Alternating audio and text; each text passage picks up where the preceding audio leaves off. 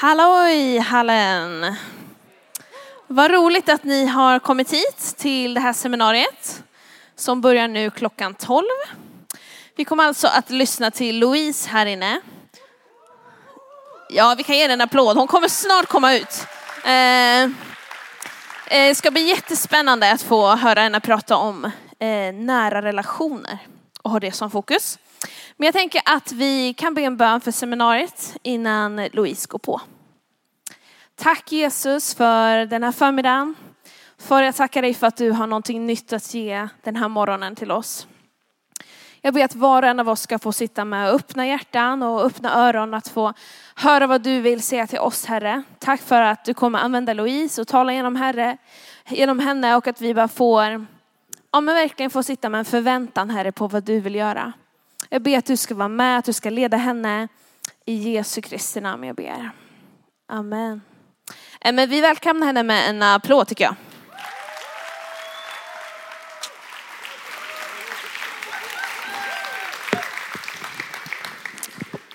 God förmiddag får man ju säga. Det är lite så förvirrande när man är på Nyhem hela dagarna och så här, god förmiddag, god kväll, god dag. Men god förmiddag vill jag säga till er idag som har kommit hit. Vad roligt att se er alla här. Jag heter som sagt Louise eh, Lundström, har gjort det i ungefär en månad. Yes, det är fantastiskt. Och eh, fick ta, eller ha min eh, bröllopsfest här uppe på, i Stråkenhallen. Och nu står jag här och ska få hålla seminarier för er. Så Nyhem är ju för mig världens bästa plats. Jag är inte så långt härifrån, jag kommer från Huskvarna. yes, och eh, jag jobbar där med ungdomar som ungdomsledare i Huskvarna pingstförsamling och har världens bästa jobb. Jag tror att ni som är ungdomsledare med mig kan hålla med om det. Som sagt, det är så roligt att få se att så många har kommit hit eh, för att prata om det här ämnet och för att lyssna till det som Gud har lagt på mitt hjärta idag. Och det här ämnet att följa i nära relationer, det är någonting som ligger mig extremt nära mitt hjärta och det är framför allt någonting som jag ständigt, ständigt lever i på ett eh, nära sätt liksom.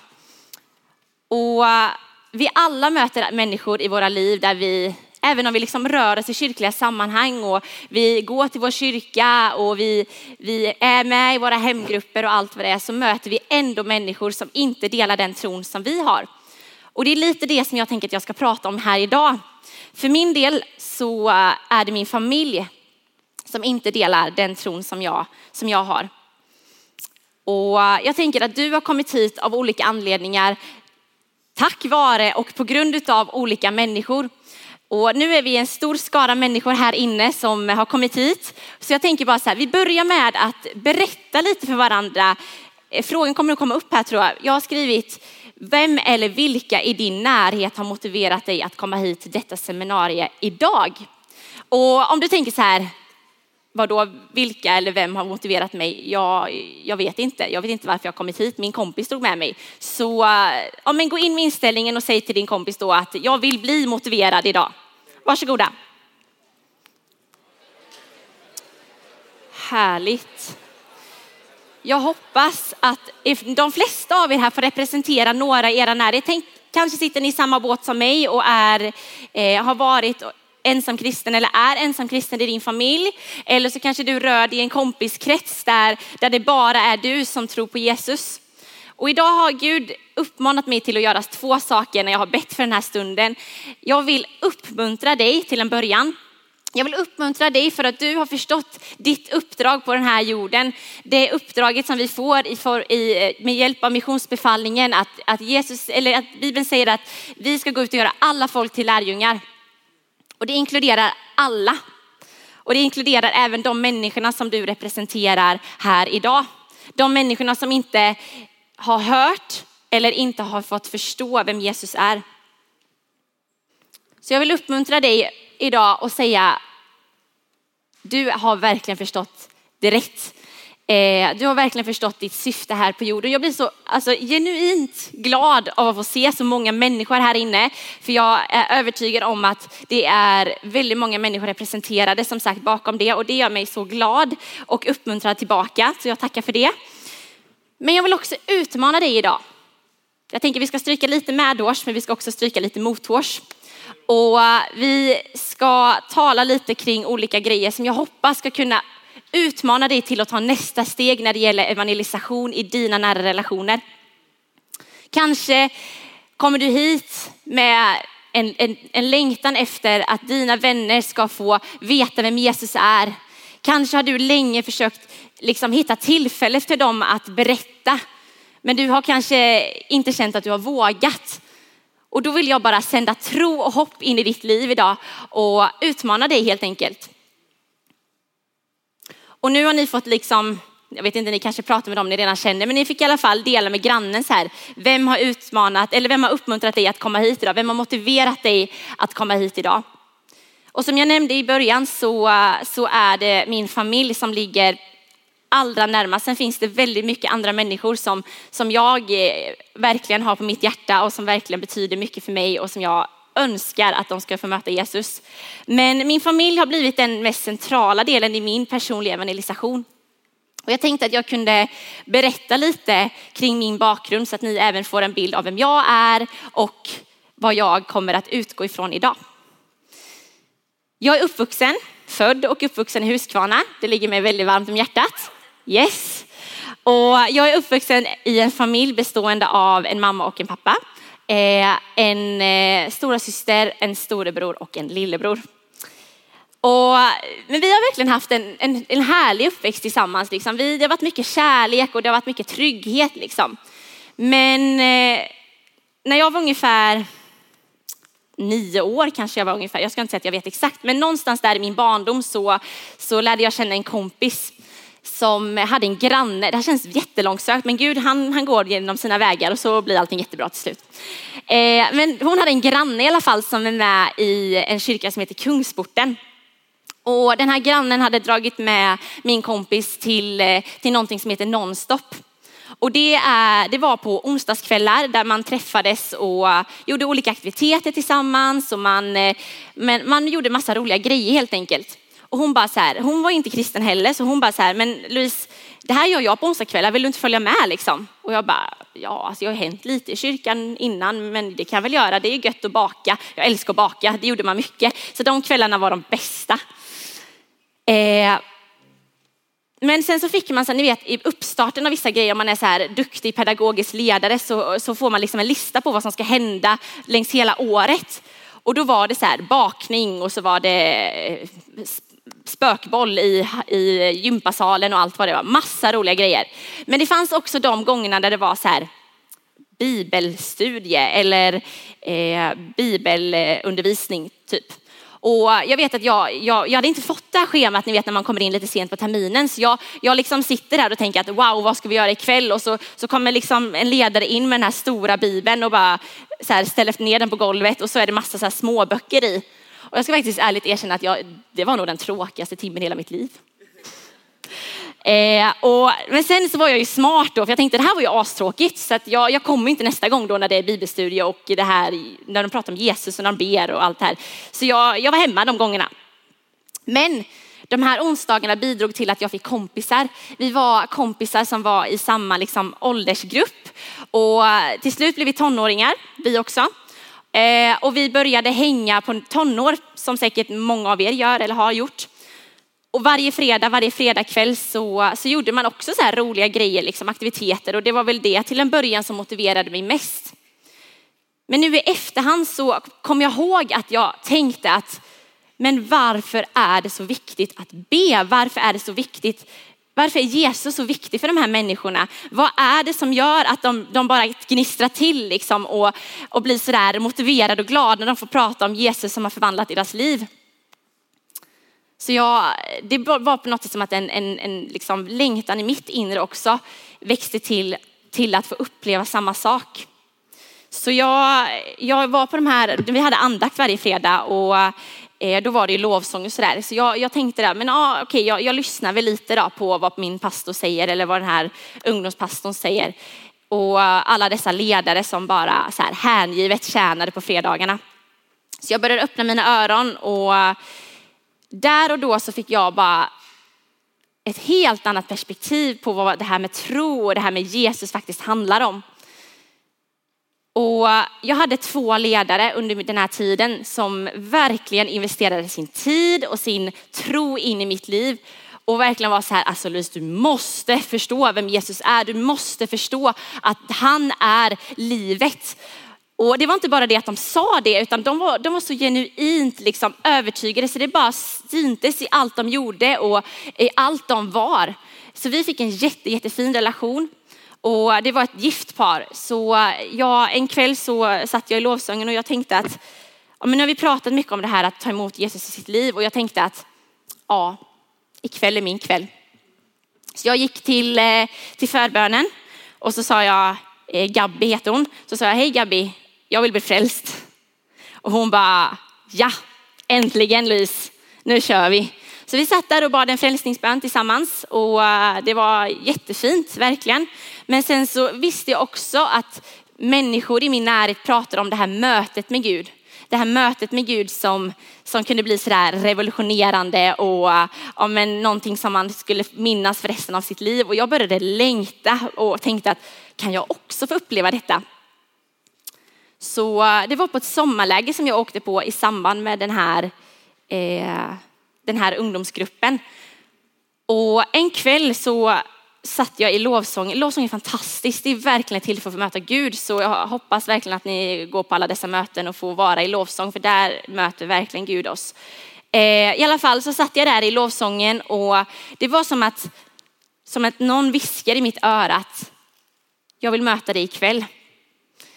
Jag vill verkligen möta dig ikväll. Och då, jag fick också liksom bara, tanken bara kom till mig och det var så tydligt på något sätt att Gud manade mig till att sätta mig i en förbönstund. Här har vi inte så många olika bönestationer men det fanns där.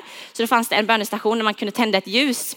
Och det var som att Gud bara så här, gå och tänd ett ljus och sätt dig i din, i din ensamhet liksom, där du på golvet, liksom, jag tycker om att sitta på golvet. Så, här. så ja, det gjorde jag.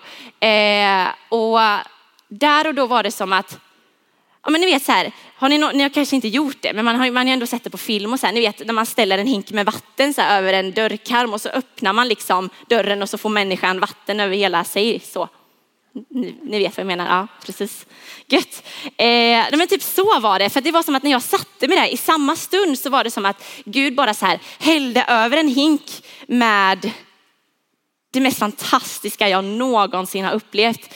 Hans närvaro, hans kärlek, hans godhet. Och jag fick förstå att Jesus hade kommit efter mig.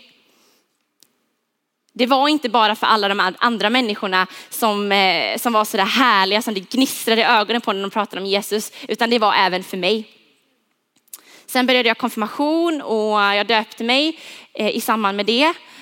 Så viktigt också, det ska vi inte prata om idag, dopets betydelse, men har du inte döpt dig och eh, ja, inte har gjort det helt enkelt, gör det. Gå hem till din kyrka och prata med någon ledare där eller pastor och se till att göra det. Och sen började min relation med Jesus på riktigt. Och man började gå på massa så konferenser och festivaler, precis som ni är här. Och när jag sitter där i ett bönemöte på en postkonferens som heter Tre dagar. Hur många har varit på postkonferensen Tre dagar? Upp en hand. Det är många. Gött. Riktigt bra konferens. Där sitter jag i, i lovsången igen och, eh, och det, det är som att Gud talar till mig igen liksom. Och han, han liksom på något sätt bara ställer upp en bild av min familj där jag inser att ja, de behöver ju också Jesus. På riktigt insåg jag att de behöver verkligen också Jesus. Och jag minns att jag, jag det, var, det, var, som att det bara så här, det, hela den här uppenbarelsen och eh, ja, men det här hjärtat började pumpa och jag bara kände att de behöver verkligen Jesus. Och det var som att det, det, jag, jag visste inte riktigt, riktigt, vad jag skulle göra. Jag tror att jag satt typ bredvid Nima här framme och jag bara, Nima, jag ska göra. Jag tror vi bad tillsammans till och med. Det är det bästa man kan göra, bara fly till Gud när sådana här saker händer. För att det är, där, det är därifrån det kommer liksom. Och efter den kvällen så har jag verkligen burit med mig, man brukar kalla att man har nöd för andra människor. Eh, och det innebär att man, att man verkligen med hela sitt hjärta längtar, tror och hoppas på att de ska få lära känna Jesus. Och det hände mig den kvällen. Och jag var, jag var väl ungefär 13-14 år när jag, när jag liksom fick möta Jesus och ta emot honom i mitt liv.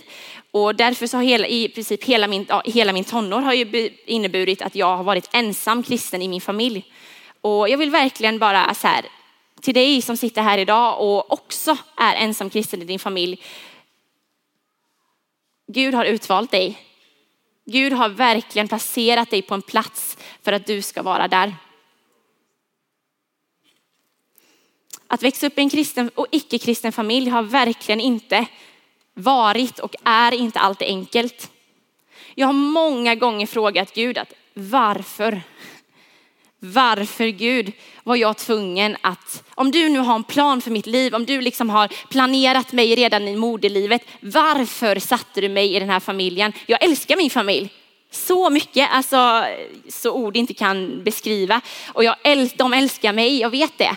Men ändå så har jag liksom många gånger bara frågat mig själv, eller frågat Gud, varför var jag tvungen att hamna här? För det är inte en enkel börda du bär som bär nöd för dina medmänniskor. Men det är en av de vackraste sakerna som finns. Och för mig har det inte heller varit enkelt att men min familj har ju liksom följt mig ända sedan jag föddes, förutom min lillebror då som kom några år senare. Eh, men eh, de har ju verkligen följt mig och de har sett den här glada, spralliga och tokiga Louise liksom som har vuxit upp och, och blivit till den jag är idag. Och det där pusslet liksom, att fortfarande bevara mig själv, bevara den jag är i kombination med att Jesus förvandlade mitt liv det var inte helt enkelt i början och det är fortfarande inte helt enkelt. Det pusslet är inte alltid enkelt att få ihop. Hur ska jag kunna vara mig själv samtidigt som jag kan få vara Jesu lärjunge? Och även om det inte är två olika saker så kan det faktiskt upplevas så och kännas så. Jag har känt det jättemycket i mitt liv emellanåt. Och jag tänker så här, det här har varit lite utifrån mitt liv och vad jag, vem jag är och vad jag står inför och sådär. Men Gud är god. Och även om jag många gånger har liksom frågat Gud varför så ger han mig alltid ett svar som jag, som, sagt, som jag sa till er precis här nyss. Du är utvald. Du har en plan för ditt liv och du är placerad in i de relationerna som du står i för att Gud har ett syfte med det. Han har en plan.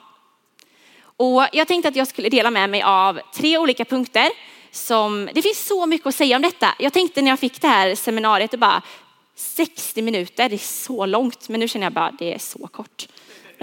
Och också för att jag ska kunna hålla er uppmärksamhet. Så jag tänker att jag ska dela med mig av tre olika punkter. Men innan jag gör det så kan vi bara ställa oss upp och så här hoppa ut lite och skaka loss så att vi inte somnar. Så här, ni som var på nattmöte och tidigt i morse liksom. Så här, high-fivea grannen lite också och känna att det är gött här. Yes.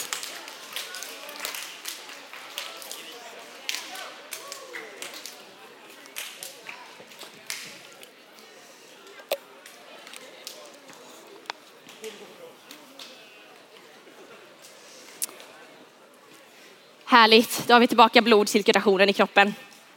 Gött. Vi hoppar till min första punkt som är var dig själv. Bibeln talar om att Gud har skapat oss till sin avbild. Och det har han verkligen gjort. Med allt vad det innebär. För mig är det att vara jag, för dig är det att vara du. Och de som du har nära dig, på samma sätt som min familj visste liksom vem jag var, så vet säkert dina vänner eller din familj eller vilka det nu än är, de har ganska bra koll på vem du är och ja, men vad som symboliserar dig liksom. Men någonting jag vill säga till dig är att det är inte motsatsen till att vara Jesu lärjunge. Även om du är galen, tokig, jag vet inte vad, så är inte det motsatsen till att vara en Jesu lärjunge. Jag tror att våra personligheter kommer bestå, för det är de vi är. Det är någonting som Gud har skapat, personligheter, gåvor och talanger som han har liksom på något sätt skräddarsytt i varje människa. Däremot händer det någonting med våra värderingar och våra handlingar i mötet med Jesus. Och nu, nu är han här idag så jag kan ju credda honom lite här. Jag fick höra det så sjukt bra sagt av en vän, Nima, än en gång. Eh, jag fick höra det så han sa så här att för jag ringde honom och bara, oh, Nima, hur ska jag liksom, du, jag menar så här, hur ska jag liksom formulera så att jag får fram det jag menar. Nima är fantastisk på, så, på de sätten så. Så att, eh, jag ringde honom. Eh, och han sa så här att när vi möter Jesus så vill vi bli lika honom. Men det är inte synonymt med att vi blir lika varandra. Alltså en applåd för Nima, det var riktigt bra. Jag bara, det är så här, jag blev helt blown away. Jag bara, det, där, det, det är precis så jag menar. Eh, och Gud är god, så han använde Nima. Tack Nima. Och det är verkligen så, för Gud har skapat oss unika. Även om jag är en Jesu lärjunge så innebär inte det att jag är kopian av Gasall liksom. Även om vi står i samma uppgifter Eh, så innebär inte det att vi är kopior. Inga människor är kopior, även om man kan vara lika till det yttre och även om man kan vara lika på vissa sätt till det inre. Men vi är aldrig helt, helt, helt kopierade och lika varandra. Vi är unika. Och jag tror att det är vår kallelse att leva som de som Gud har skapat oss till. Och, men i mötet med Jesus, jag sa att han, han liksom ändrar våra värderingar och våra handlingar. Men jag tror också att han hjälper oss att navigera våra personligheter så i hur det tar sig uttryck i våra liv. Så våga vara den du är.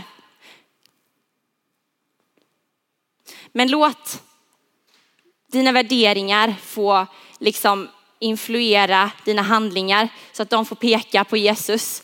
För det finns någonting i det. Det kan bli förändrat. Det har vi fått höra i så många, många olika vittnesbörd. Och någonting som jag också vill säga är att tro och att följa Jesus kan lätt hamna i diket att det handlar om prestationer. Jag, jag, vi behöver inte köra en handuppräckning, men jag tror att de flesta här inne kan känna att Åh, jag orkar inte, jag orkar inte vara den där perfekta kristna och göra allt det där som, som det förväntas av mig. Men sanningen är så här att det handlar inte om, det här har ni säkert hört förut, men jag vill ändå säga det idag, att det handlar inte om vad vi gör utan vad Jesus redan har gjort. Vi får liksom stå i ljuset av hans, av hans liksom verk och av det som han redan har gjort. Och det är han som talar till oss och hjälper oss som sagt att navigera och, och liksom utbreda hans rike. Men det handlar aldrig någonsin om oss enbart, utan det handlar framförallt om Gud.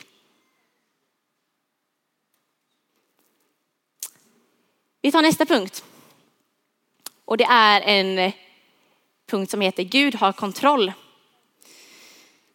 Jag är verkligen en person som tycker om att ha kontroll. Man brukar kalla sådana som är lite så här control freaks. Eh, jag är en person som älskar listor, bocka listor och grejer. Så här. Är någon som kan känna igen sig i det eller? Ja, ja härligt. Och det är inte alltid en fördel. För mig har det inte alltid varit en fördel när det gäller det här ämnet att följa nära relationer. Jag har så ofta tänkt att, ja men tänk om inte min familj blir kristna då? Tänk om de inte förstår Jesu kärlek? Tänk om de inte får möta det som jag har fått möta i mitt liv. Och sanningen om att Jesus gav sitt liv för deras skull. Tänk om de inte förstår det. Då är det ju mitt fel för att jag inte varit tillräckligt tydlig med det. För Gud har ju placerat mig. Och därför har jag ofta känt en stor press och stress för att jag är så här, jag har inte kontroll över detta. Hur ska jag lyckas liksom ta kontrollen? Och så har det varit jättemånga, alltså jag, jag vet inte ens hur många det har varit som har sagt det så här, när vi har pratat om detta och bara, men Louise, Gud har kontroll. Han har den helhetsbilden och jag, detta har gjort mig så frustrerad så många gånger. Och ja, men jag känner så här, men ja, han har kontroll, men jag då? Jag vill ju också liksom ha kontroll. Men det är när jag fått se saker och ting ske som jag aldrig hade kunnat tro eller aldrig någonsin hade kunnat hoppas på. Som jag förstår att Gud är så mycket större. Han är så mycket större. och jag kommer aldrig någonsin kunna komma upp i hans nivå. Det gäller, alltså jag har flera gånger bara fått kapitulera fullständigt inför honom och säga, okej okay, Gud, jag litar på att du har kontroll. Och det händer någonting i det. Jag tänkte att jag skulle dela med mig av ett vittnesbörd ifrån mitt liv. Och eh, det handlar om min lillebror Kristoffer. Han sitter här med oss idag. En applåd.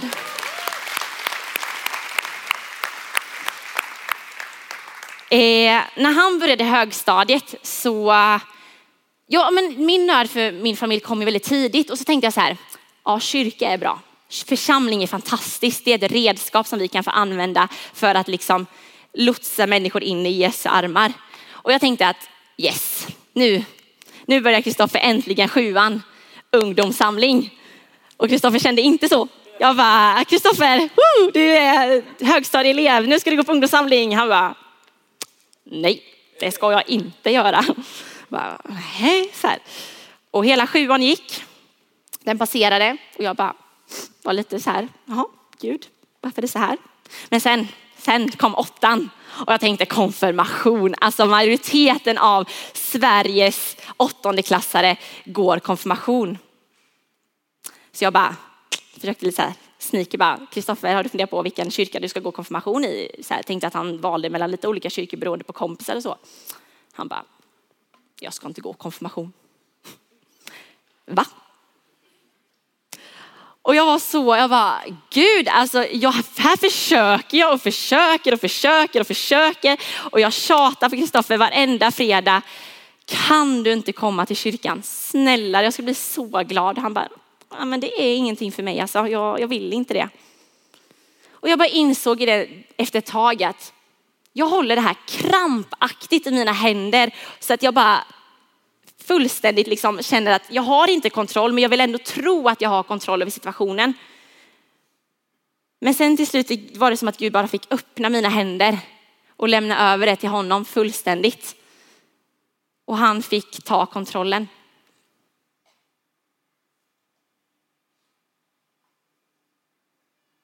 Och det gjorde han. För det kom en fredag när Kristoffer dyker upp på vår fredagssamling. Och alltså, jag var världens gladaste stora syster. Ja, jag kan säga jag var världens gladaste stora syster. Jag bara, oh, till mina ledare, ikväll kommer Kristoffer, behandla honom som kungen. Typ så här. Och eh, ja, jag var jätteglad för det. Och så kommer det här att Yes, första grejen. Lollos listor. Kaching. Han är i kyrkan. Nästa grej. Han måste få lära känna Jesus. Skillnaden med min inställning där och då var att jag inte krampaktigt höll fast vid det och försökte ta kontrollen. Så att jag nästan liksom totalt tappade den. Utan jag fick vila i att Gud hade gett mig bara en sån tydlig tecken på att han har kontroll. Han hade fått påminna det genom att Kristoffer ens en gång satte sin fot i vår kyrka. Och Kristoffer tog inte emot Jesus den kvällen. Jag tror absolut att vi predikade evangeliet om Jesu död uppståndelse den kvällen. Det hände inte där och då. Men jag var inte orolig. För jag visste att Gud hade sett honom. Han hade gjort det redan innan, men jag fick se att Gud redan hade sett honom. Men jag fick fortsätta be. Det är det bästa du kan göra för de människorna som du, som det klappar lite extra för. Be. Och gång på gång lämna över kontrollen till Gud. Ibland brukar man tala om att, om att man lägger sig på sina knän. Och det kan kännas väldigt överdrivet och så här, jaha liksom. Men alltså, jag tror att vi människor fungerar på det sättet att vi behöver, speciellt idag, vi behöver kunna ta på saker och ting. Så jag har fått flera gånger bara lägga mig på mina knän och säga, Gud, tack att du har kontroll. Jag ber från djupet av mitt hjärta att Kristoffer ska få inse vem du är. Och Kristoffer började dessutom gå på söndagsgudstjänst. Det var ju ännu bättre. Och jag minns en söndag specifikt ni kanske kommer förstå varför nu. Men jag minns det så tydligt för att jag stod i lovsången Och jag kände bara så här, det är så jobbigt idag. Ni vet, ni som ska ha, om man kanske står i någon tjänst i kyrkan, man känner att det är tungt, motivationen är på noll och man känner så här, jag vill bara gå och lägga mig igen liksom. Och Johan, våran pastor, kom upp på scenen och sa, jag har haft en kamp den här veckan. Jag har verkligen haft en kamp inför den här predikan. Och jag hade en predikan som jag tänkte att jag skulle köra idag. Men Gud har talat i mitt hjärta och sagt att nej, jag ska predika om någonting annat. Jag ska predika om Jesu död uppståndelse. Jag ska predika evangeliet här idag. Och jag ska predika för, till en person som behöver ta det beslutet i sitt liv. Och det var Kristoffer. Mm. Wow. Och det är bara, bara Gud som kan göra detta.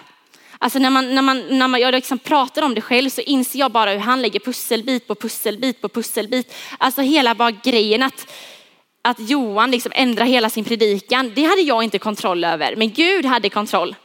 Hela, hela, hela tiden. För när vi försöker ta den rollen som Gud har, det är då vi liksom går vilse och så här, när vi inte, när vi inte tar rygg på Gud som vi ska göra och försöker springa vår egen väg. Till slut liksom hamnar vi in i något så spår och så känner man att, nej men vad tog jag vägen nu liksom? Det går tusen stigar här men jag har ingen aning om vilken stig jag ska beträda härnäst. Och jag talar om att komma inför Gud på sina knän. Och det tänker jag också kan symbolisera att sätta sig vid Jesu fötter.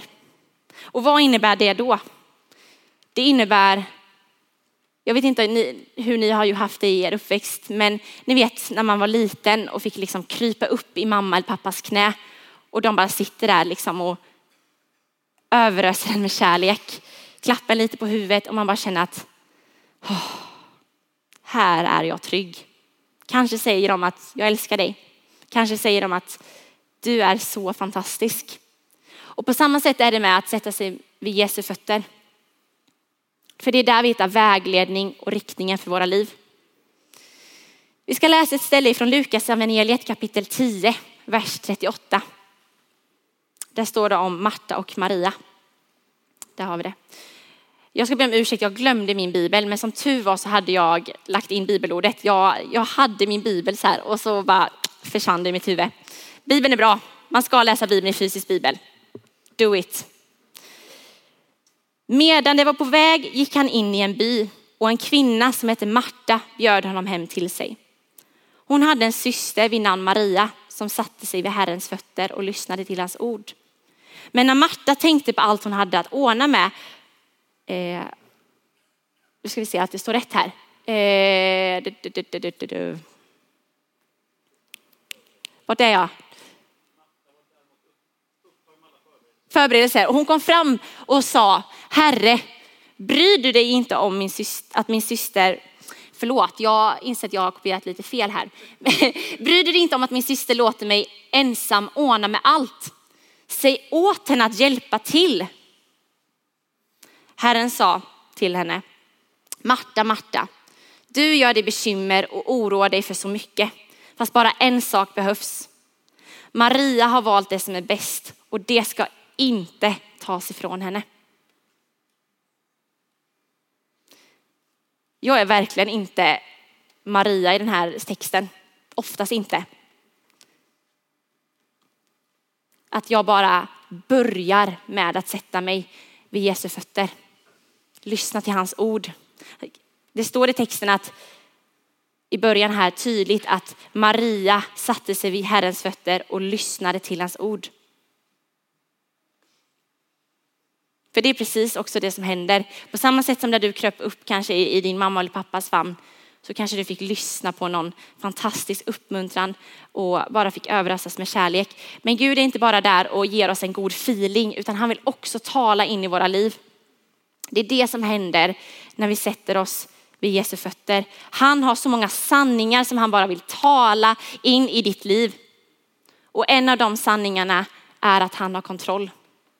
Jag vet inte hur många gånger som jag har suttit vid Jesu fötter, de gångerna då jag faktiskt har gjort det. Och han har sagt att jag har kontroll. Ta det lugnt Lis. Gå dit jag kallar dig, gör det jag manar dig till, men kom ihåg att kontrollen ligger hos mig. Amen. Yes. Nu har vi kört två punkter och jag ska avsluta med min sista punkt som är komplettera dina handlingar med ord och dina ord med handlingar. Något ibland man säger och något så här quote som ibland dyker upp så här i Facebookflödet eller i, på Instagram och så är att, nu ska jag inte säga det så att jag citerar det, men jag, kan, jag ska förklara vad det är det säger.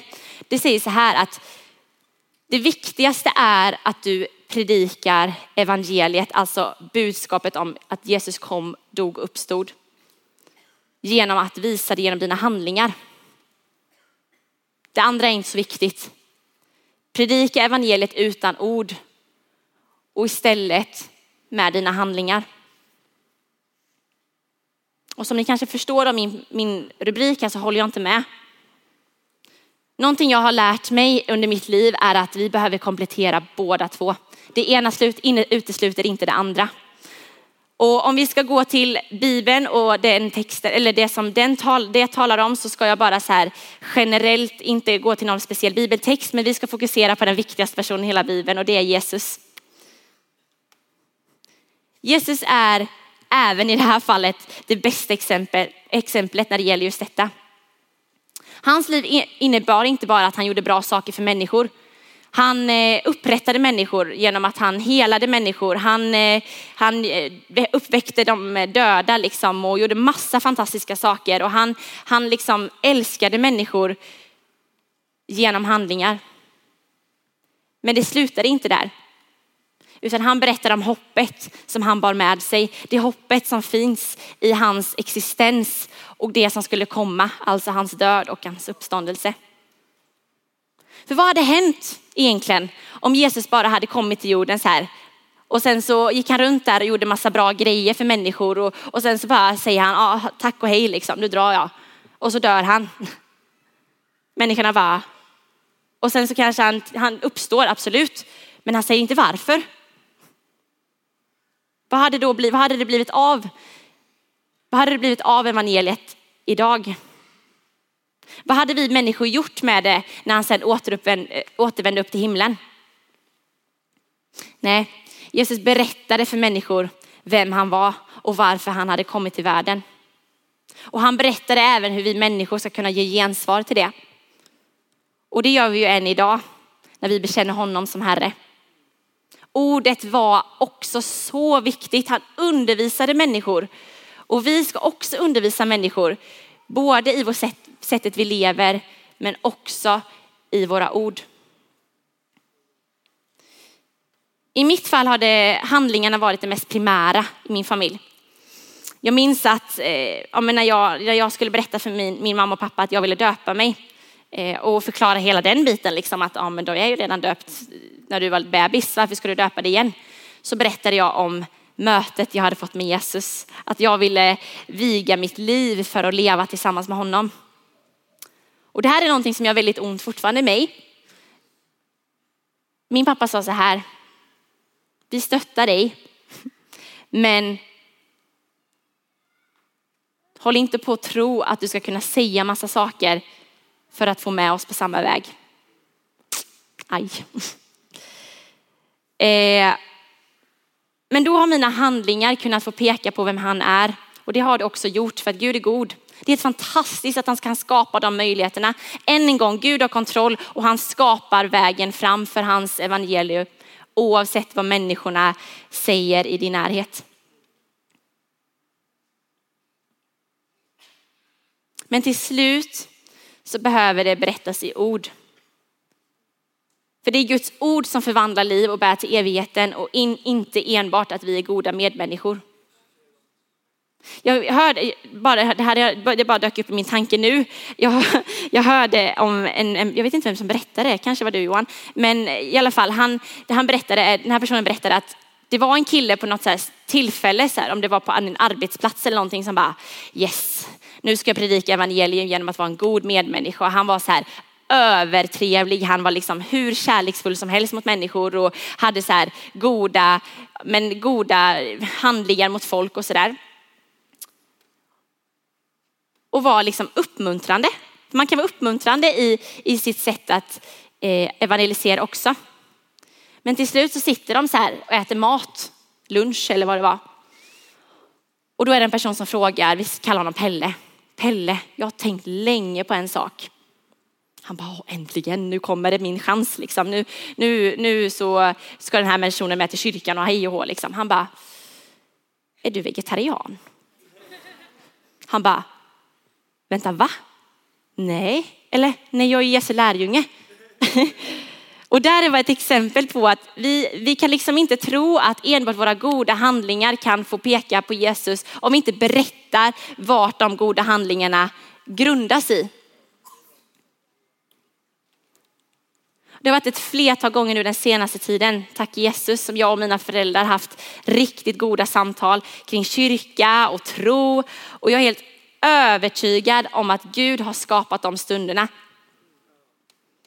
Att när jag med mitt liv har fått peka på vem Jesus är så har det väckt någonting i deras inre där de förstår att kanske, kanske är det här någonting även för mig. Och än en gång så har han, han full kontroll och jag är inte orolig längre för vad som ska ske. Så fortsätt göra det du gör för människor.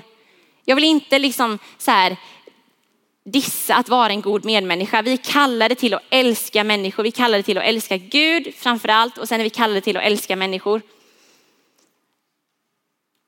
Men ta också steget att försöka samtala med människor.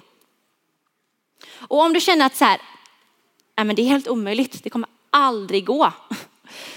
Så be Gud, som sagt han har kontroll, be Gud att han får skapa möjligheten till att ordet får nå fram på något sätt. Kanske inte genom dig, kanske genom någon annan människa. Men be ändå att, att det ska få vara någonting som får ske in i den relationen som du befinner dig.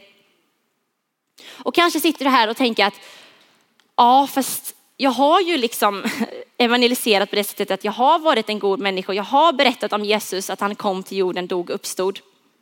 Men att det liksom inte har brutit igenom och du kanske sitter här och tänker att det känns helt hopplöst. Jag kanske bara ska ge upp. Då hoppas jag med de här tre punkterna och det jag har sagt idag ska få att sända lite, lite hopp in i ditt liv, lite mer tro i ditt liv. Och jag vill verkligen bara så här säga till dig att fortsätt. Var uthållig och fortsätt. Kom ihåg att Gud har kontroll.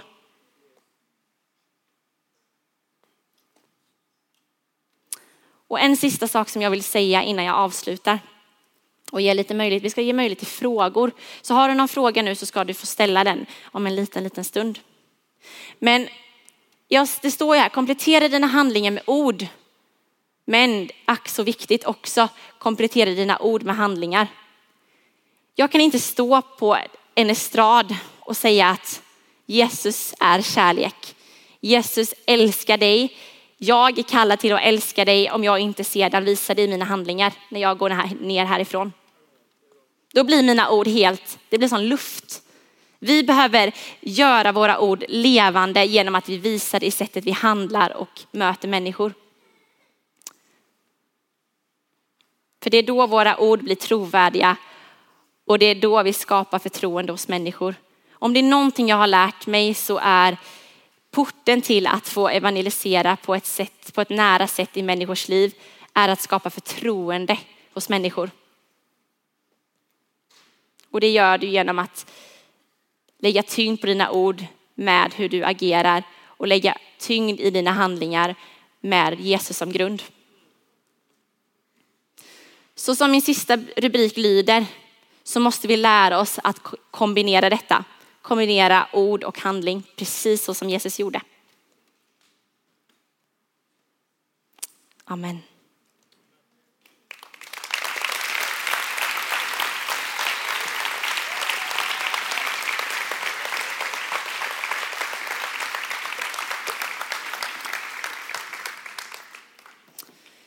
Yes, jag tänker så här, ja, det kanske inte finns några frågor, men jag, ville, jag kände ändå att jag ville lämna utrymme för frågor här på sista liksom, minuterna av det här seminariet. Om det är någonting av det jag har sagt som var otydligt eller om det finns någon fråga, kanske någonting som du bär med dig i ditt liv. Så här, men så här är det för mig. Hur tänker du kring det? Så då bara räcker du upp handen och så kommer Matilda här med en mikrofon. Robert.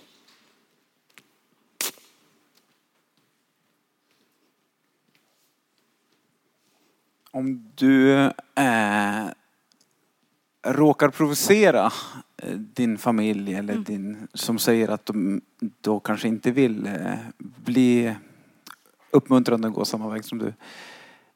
Hur agerar du då? Hur, hur, hur bemöter du när de ja, går i försvar och så där? Mm. Hur, hur agerar du då?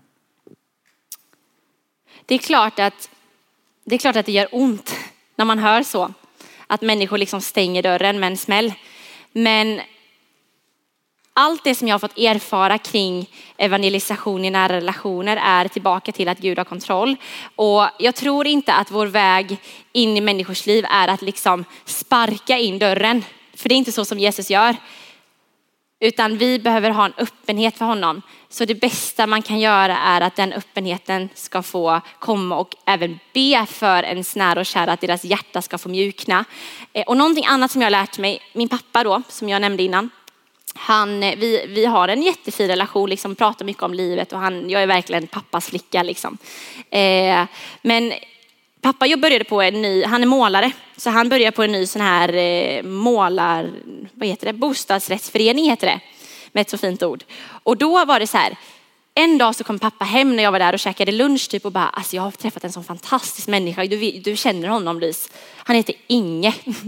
Och jag bara, "Ha, han är med i min kyrka liksom. Han bara, ja jag vet. Och Inge han berättade om Gud för mig här idag på, på jobbet. Och du vet, han tror så här och han tror så här liksom. Och jag bara, jag försökte vara lite snäll mot pappa liksom och vara så här, ah, vad, vad härligt pappa, vad kul att, att ni fick ha ett så gott samtal, vilken, vilken fantastisk tro han har. Och bara lite så här underförstått bara, jag delar också samma tro, vi är med i samma kyrka.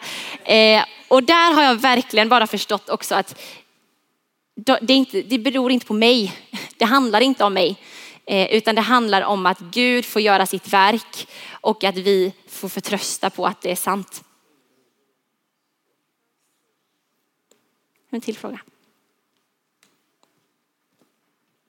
Yes. Eh, jag har en fråga om man har vänner som varit med i kyrkan Mm. eh, och som har liksom haft en tro men som har valt att gå bort av olika anledningar. Ibland kan jag kan känna att det kan vara väldigt svårt att eh, det känns som att de lite ser igenom min jag vill vara trevlig mot dem och jag vill ju fortsätta vår vänskap. Mm. Men att de kanske så här eh, egentligen så vill du bara få tillbaka mig till kyrkan och det vill man ju men ja. Hur, har du några tips där?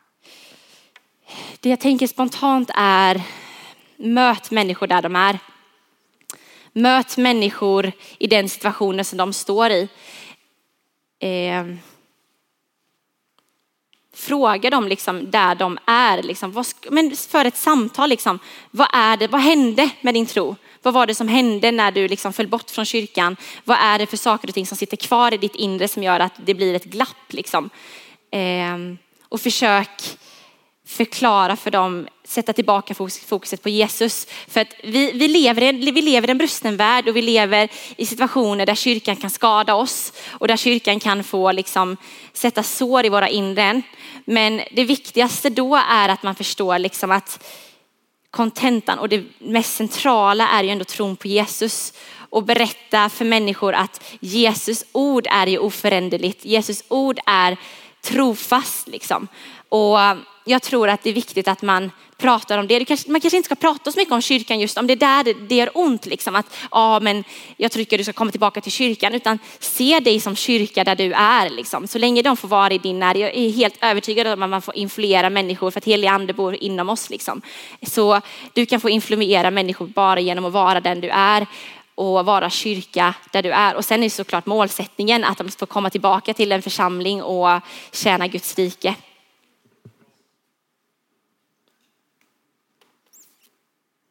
Jag ser typ inte. Yes. En fråga till.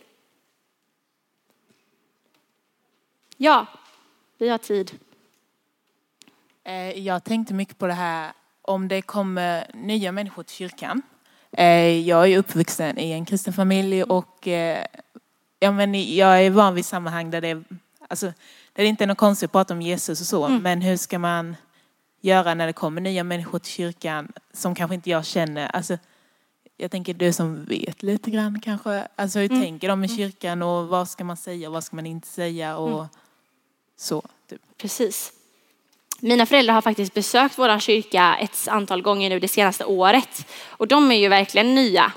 Eh, så jag tänker att det jag har fått ta lärdom av där är att bemöta det de upplevde. Liksom. Bemöta eh, deras upplevelse av exempelvis en gudstjänst. Liksom. Och ja, men, verkligen försöka skapa tillfällen att prata om det som sades på predikan till exempel. Ha ett samtal. Samtal med människor är någonting som jag verkligen har insett att det är så viktigt.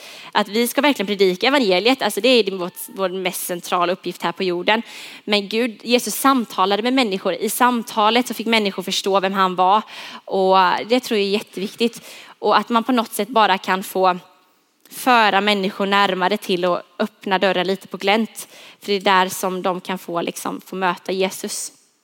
Är det svar på din fråga? Det finns massa saker att säga men jag tänker att det är en del. Liksom. Hej. Den första frågan du fick handlade ju om eh, provokation Mm. på ett sätt och när ganska lik eh, har en släkting och eh, han är sjuk. Och sen jag minns att vi började be så har vi alltid bett att han ska bli frälst. Mm. Men han blir inte bara provocerad utan väldigt upprörd. Mm. Alltid. Mm. När vi pratar om Gud. Ja. Och eh, han är sjuk. Och eh, hur ska vi kunna nå fram till honom? Ja, det är en jättesvår fråga såklart. Eh, I min egen så här, när, när liksom murar har stängts eller satt upp för mig mellan människor och mig när det gäller att få nå fram med Jesu budskap så har det varit väldigt viktigt att komma tillbaka till att göra sig liksom Även om du kanske är den personen i hans liv som är en efterföljare till Kristus så har vi ingen aning om vilka människor som hamnar i hans väg sedan. Liksom. Så min, min, mitt första som jag vill säga är att, för jag, jag förstår ju också att det blir en väldigt sådär, att du, kan, du kan känna igen dig i detta, press och stress och man känner att ja men det hänger ändå på mig för att jag är ändå den som kan visa liksom. Men att på något sätt göra sig oberoende och vara sig själv, tillbaka till det här att vara sig själv.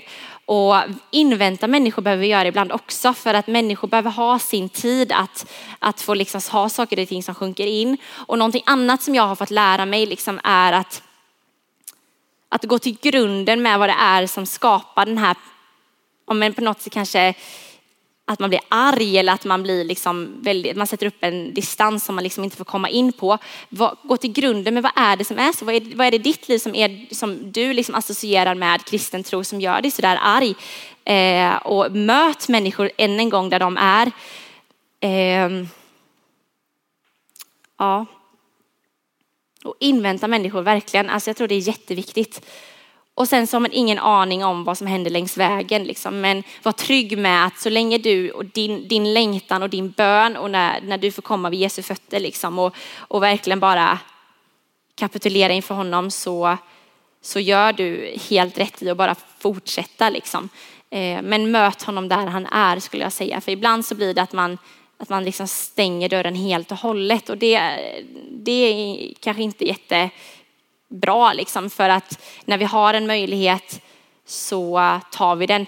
Men om det är så att människor bara tyst, då kanske det är tillfälle för dig att visa på Jesus genom dina handlingar. Men tillbaka till detta, det ska till slut kanske också, målsättningen ska ändå vara att det får generera i att evangeliet får predikas i ord.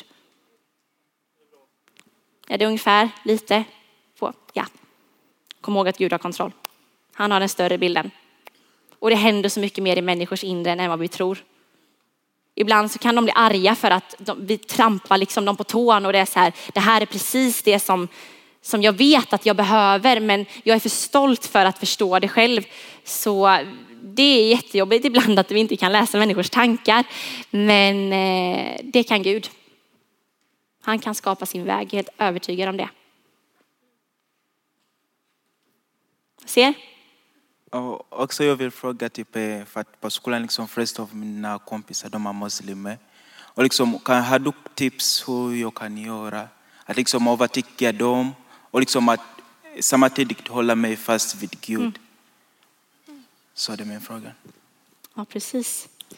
Jag ska säga att i här, just när det gäller kring andra religioner och sådana grejer, nära relationer, så har jag faktiskt ingen erfarenhet. Men jag tänker att det är människor än en gång som vi pratar om. Liksom. Och, eh, jag tror som sagt att samtalet med människor är jätteviktigt. Att man på något sätt kanske vågar inleda samtal kring, kring det här med, eh, med religionsfrågor. Vad är det som skiljer din tro från min tro? Och kanske få liksom belysa Jesus såklart, eh, som är centret av våran tro.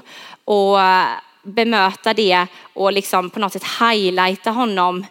För det händer ju inte riktigt kanske i, i den is- islamska tron. Och, ja, men föra samtal och verkligen de gångerna när ni gör det så tryck på Jesus stenhårt liksom. Yes.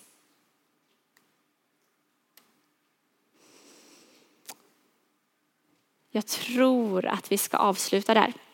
Jag skulle be en bön för er som har kommit hit idag. Jag skulle vilja liksom innefatta er i en sån här härlig bön för alla dessa människor som finns i era liv. Och jag är verkligen så här, jag är inte här för att förenkla någonting i era liv. För det är inte enkelt att vara en Jesu efterföljare. Det är inte enkelt att drabbas av den nöden för människor som vi får genom mötet med Jesus. Men det gör någonting i våra liv och det skapar någonting i våra liv som är som sagt något av det vackraste som finns. Och jag vill bara säga att även om jag står här uppe nu så är jag verkligen en av er. Jag står med er och jag lider med er för de människorna som ni har i den närhet som inte, som inte känner Jesus, som inte längre vill ha med Jesus att göra. Kom ihåg också att det finns en enorm styrka att förstå att vi gör det här tillsammans. Kristi kropp är verkligen till för oss. På samma sätt som Inge, min pappas fall, fick komma in i hans liv så har jag verkligen fått upp ögonen för att wow, vi är så starka tillsammans. Vi ber.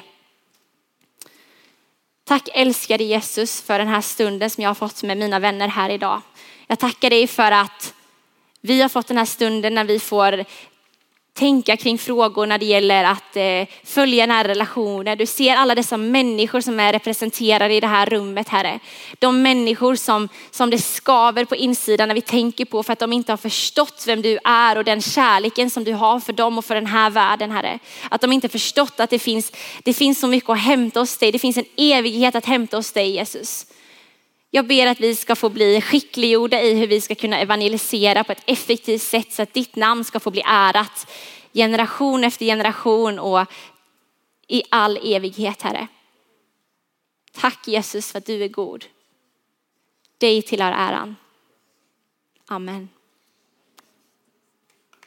Vi ger en varm applåd. Tack så mycket Louise. Tack för att du har delat vittnesbörd och berättelser från ditt liv och delar från ditt hjärta. Det Tack är otroligt eh, uppmuntrande, eller vad säger ni? Eh, Jag blir otroligt peppad och att få prata med min familj och de som är min familj som inte känner Jesus. Det är grymt. Det är det här man vill. Det är det här vi vill att Nyhem ska få vara, att vi ska få uppmuntra varandra och hjälpa varandra att, ja, men att leva livet med Jesus på alla plan. Hörrni, nu är klockan cirka 12 skulle jag tro, någonstans där. Ett. Ett, menar jag, det började 12. Eh, någonstans runt ett ja. Det är lunch. Nästa sak som händer är ju rutan klockan tre med aktiviteter. Så jag önskar er en god lunch och ha en bra eftermiddag.